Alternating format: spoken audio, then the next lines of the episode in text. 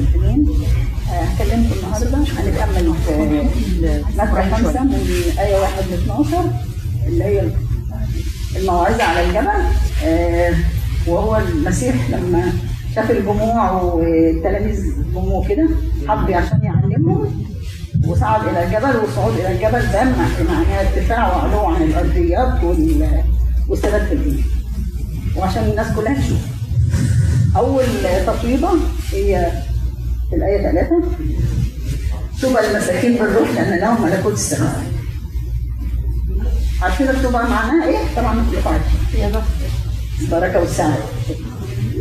فنرى يعني شوف إن المسيح هو ابتدى يكلمهم في الأجيال- الايجابيات ما قالش حاجات يعني سلبيات. عشان إيه يعني يحسوهم على إنهم يتبعوا ودي هو كان بيحط شريعة العهد الجديد وهو أصلا عشان هو ربنا هو حط شريعة العهد القديم وبيكملها في العهد. فالمساكين مش هم المحتاجين الدين هم المساكين اللي بيشعروا إن هم مساكين ومحتاجين لربنا وإن هم يعني احتياج كبير ليه وده يعني يقودنا إلى مفهوم الارتباط. المسكين بالروح هو هو المبتدع. الثانية آه، في أربعة طوبى الحزانة لأنهم يتعزون هو برضو ما يقصدش الحزن على اللي ضاع ماله ولا ضاعت حاجته ولا كده لأن ده حزن باطل. لكن اللي بيحزن على خطيته وي- ويعيش حياة توبة وكمان يحزن على على الخطاة الآخرين وما يدينهمش بل يصلي من أجلهم. فك- فكده الحزن بيتحول إلى فرح. وده يبقى حزن مقدس يعني مش طوبى للودعاء لأنهم يرسلون الأرض. دي الآية خمسة. الودعاء هم ذوي القلوب المتسعة ال- الكبيرة النقية اللي ما يعني ما بتزعلش. حتى الواحد لو اساء ليهم ما يعني ما بيقابلوش شر بشر ولا بيفقدوا سلامهم. وإن هم ما يفقدوش سلامهم ده مش من ضعف منهم. بس هم بيتمثلوا بالمسيح رئيس السلام وهو نفسه كان وديع ومتواضع طوبى من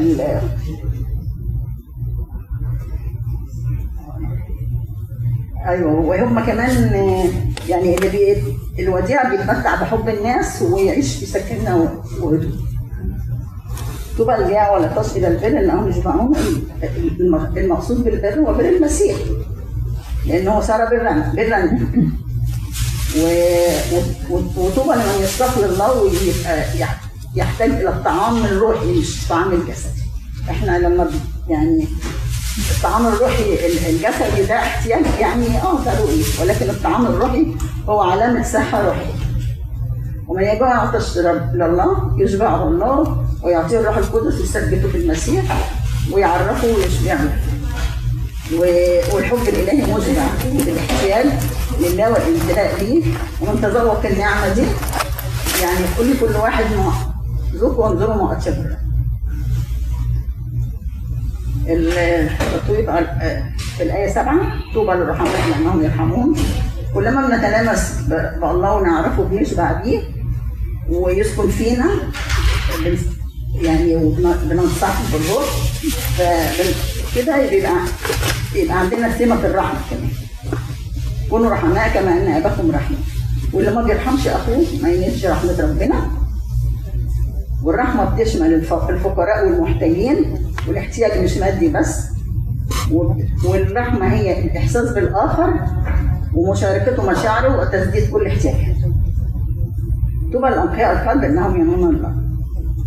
من صفات النفس اللي بتسلم الفكر والرب والقلب لربنا قلبها بيصبح آه، بسيط وما بينقسمش بين محبة ربنا ومحبة العالم.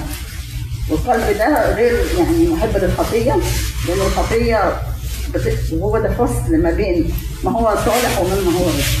هو فصل للوجود يعينون الله بتنفتح بصيرتهم. يعينون الله تنفتح بصيرتهم الداخلية لأن الخطية بتحجب رؤية الله والقلب البسيط له أيضا عين بسيطة لا تبحث إلا ما هو لله تطيب في آية 9 طوبى لصنيع السلام لأنهم أبناء الله يدعى المسيح هو رئيس السلام وجاء ليؤسس ملكوت السلام على الأرض.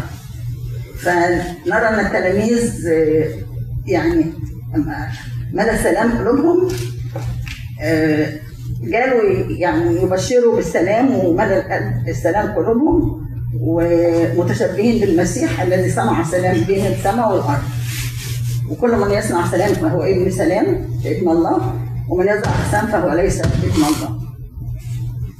طوبى المطرودين من أجل البر لأن لهم ملكوت السماوات أبناء الله المتحدين بالأب بالابن البكر يسوع ينالهم منال المسيح.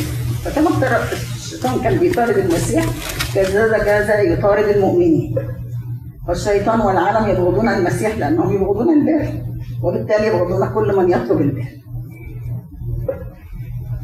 لكن والعالم يحرمهم من الأرضيات ويضطهدهم ولكن الله يعطيهم ملكوت السماوات. فحياه البر على هي على الأرض ألم من الناس وتعزيه منهم